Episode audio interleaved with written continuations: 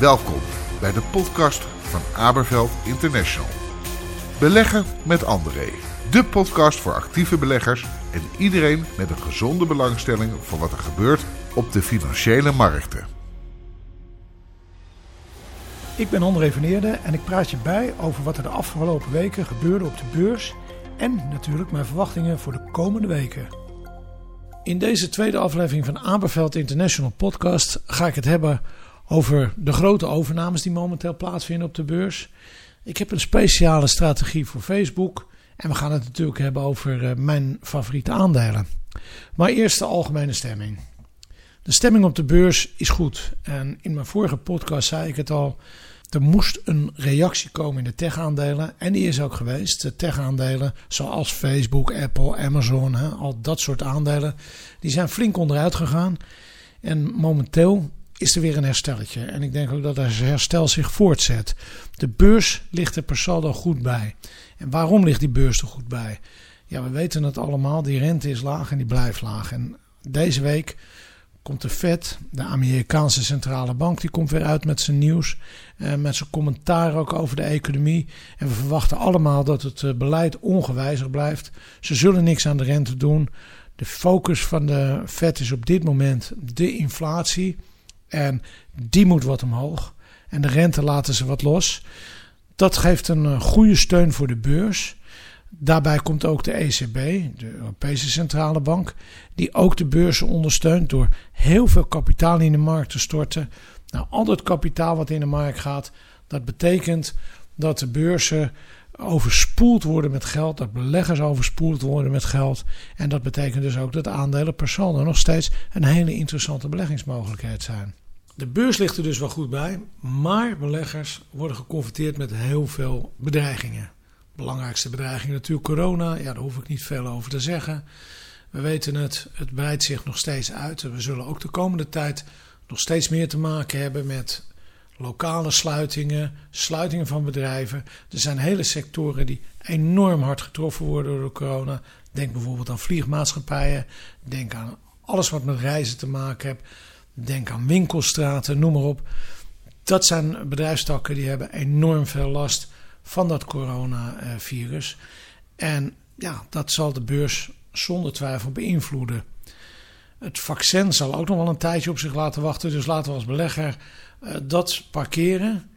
Maar we zullen ermee te maken hebben. Een andere zaak waar we mee te maken hebben is natuurlijk de verkiezingsstrijd in Amerika. Trump, Biden, een harde strijd. Helaas vrees ik dat Trump gaat winnen. Want Biden is nou niet een hele sterke tegenkandidaat.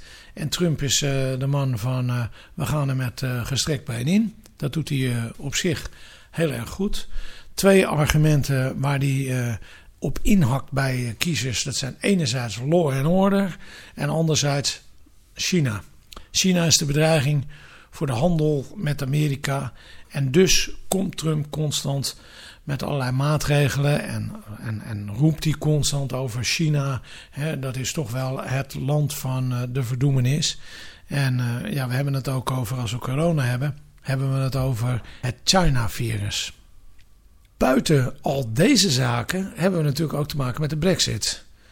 De brexit, die komt er. 31 december is alles uh, rond en stapt Engeland uit de EU. Maar er is geen akkoord dat akkoord komt er ook niet. De Engelsen zetten een hak in het zand. Onder leiding van Boris Johnson. Doen ze goed, of misschien niet. Maar in ieder geval, het is niet goed voor beleggers. Een brexit zonder akkoord betekent wederom onzekerheden. Is niet goed voor bedrijven als bijvoorbeeld Heineken of bijvoorbeeld uh, Tata. Er zijn een heleboel bedrijven op te noemen die er last van hebben. He, export naar Engeland, import vanuit Engeland. Het wordt allemaal moeilijk zonder akkoord. Dat zijn de bedreigingen voor de beleggers de komende tijd. En dan gaan we nu naar de beurs. In de vorige aflevering van onze podcast zei ik eh, dat de beurs wat lager zou gaan, althans de techfonds, en daar heb ik redelijk gelijk in gekregen. Nu zie ik de beurs weer wat herstellen. En ik ben ook weer wat positiever over de beurs. Ik denk dat we de komende twee weken wel wat hogere koersen gaan zien. Uh, dat enerzijds hebben we te maken met uh, de centrale banken die veel geld in die beurs blijven pompen. Aan de andere kant, er is geen alternatief voor aandelen. En we zien ook dat beleggers weer een beetje moed gaan krijgen. Dat zien we de laatste dagen en ik verwacht dat dat de komende tijd nog door gaat zetten. Daarnaast worden we ook geconfronteerd met enorme overnames. Het afgelopen weekend zagen we uh, een aantal bedrijven hele grote overnames doen. Bijvoorbeeld Nvidia, uh, een, de grootste overname eigenlijk afgelopen weekend, die koopt ARM. En ARM is een, uh, zeg maar de eigenaar van chiptechnologie in Engeland. 40 miljard betalen ze daarvoor. Tweede overname die we zagen was Gilead. Gilead koopt Immunomedics. Moeilijke naam, maar het is een bedrijf wat zich bezighoudt met de ontwikkeling van kankermedicijnen. 21 miljard. We zien Oracle, die TikTok overneemt. Winterstrijd van Microsoft. Microsoft blijft een beetje als de gebeten hond achter en Oracle loopt met prooi weg. Het is wel een zaak die wordt gedreven, onder andere in die Chinese handelsoorlog, door president Trump, die vindt dat TikTok naar een Amerikaans bedrijf moet. Daarnaast zagen we nog Alibaba, die een overname gaat doen in de taxi-apps. En Verizon koopt Trackphone. Het zijn gewoon even wat overnames die de afgelopen week plaatsvinden. En dat geeft aan dat er heel veel vertrouwen is bij bedrijven en bij uh, beleggers ook. We hebben vlak voor de, uh, het uitbraak van corona hebben we ook overnames gezien. En die overnames liepen allemaal niet goed. Deze gaan de andere kant op. Afgelopen weken zagen we Goldman Sachs en JP Morgan met hun verwachtingen voor de beurzen de komende tijd uitkomen. En beide zijn enorm positief. Zowel JP Morgan als Goldman Sachs zien de SP-index nog wel zo'n 10% stijgen naar 3600 punten. Kortom, we kunnen vaststellen, als we het over de beurs hebben, beleggers hebben er momenteel vertrouwen in. En dan nu een lesje in beleggen. En in mijn introductie beloofde ik al dat ik met een strategie voor Facebook zou komen. Nou, dat past ook een beetje bij het lesje in beleggen. Facebook is een aandeel wat rond de 270 noteert op dit moment. En op dit moment is 14 september. 270 dollar. En dat is een aandeel wat je best zou willen hebben. Althans, ik zeker. Maar ja, 270 dollar is een hoop geld. En als je 100 aandelen wil kopen, dan ben je dus al gauw 27.000 dollar kwijt. Je bent het niet kwijt, maar je moet het investeren. Er zijn ook manieren om dat goedkoop te doen. En één manier daarvan is natuurlijk door naar opties te kijken. Call-opties. Als je een call-optie koopt, dan kan je met een zeer beperkt bedrag toch een belang nemen in Facebook, zodat als het aandeel omhoog gaat, dat je daarvan profiteert. Maar ik weet niet of je vaker naar me luistert. Eh, ik hoop dat je dat zeker gaat doen. Dat je vaker naar de Aberveld podcast gaat luisteren. Maar dan zul je gaan leren dat ik nooit alleen maar opties koop. Als ik opties koop, betaal ik veel geld. Betaal ik een premie om te profiteren van een stijging. Dat is als ik call-opties koop. En ik wil altijd toch een beetje die investering wat verminderen. Dus ik koop niet alleen een call, maar ik schrijf ook een call. En wat doe ik op Facebook vandaag? Ik zat naar die koersen te kijken. En op momenteel, maar dat is 14 september. En ik weet niet wanneer je de Aberveld podcast luistert. Maar op 14 september kon je een call spread kopen. De november 290 call. Dus dat geeft je het recht om het aandeel Facebook te kopen voor 290. Daarvoor moest je betalen 12 dollar.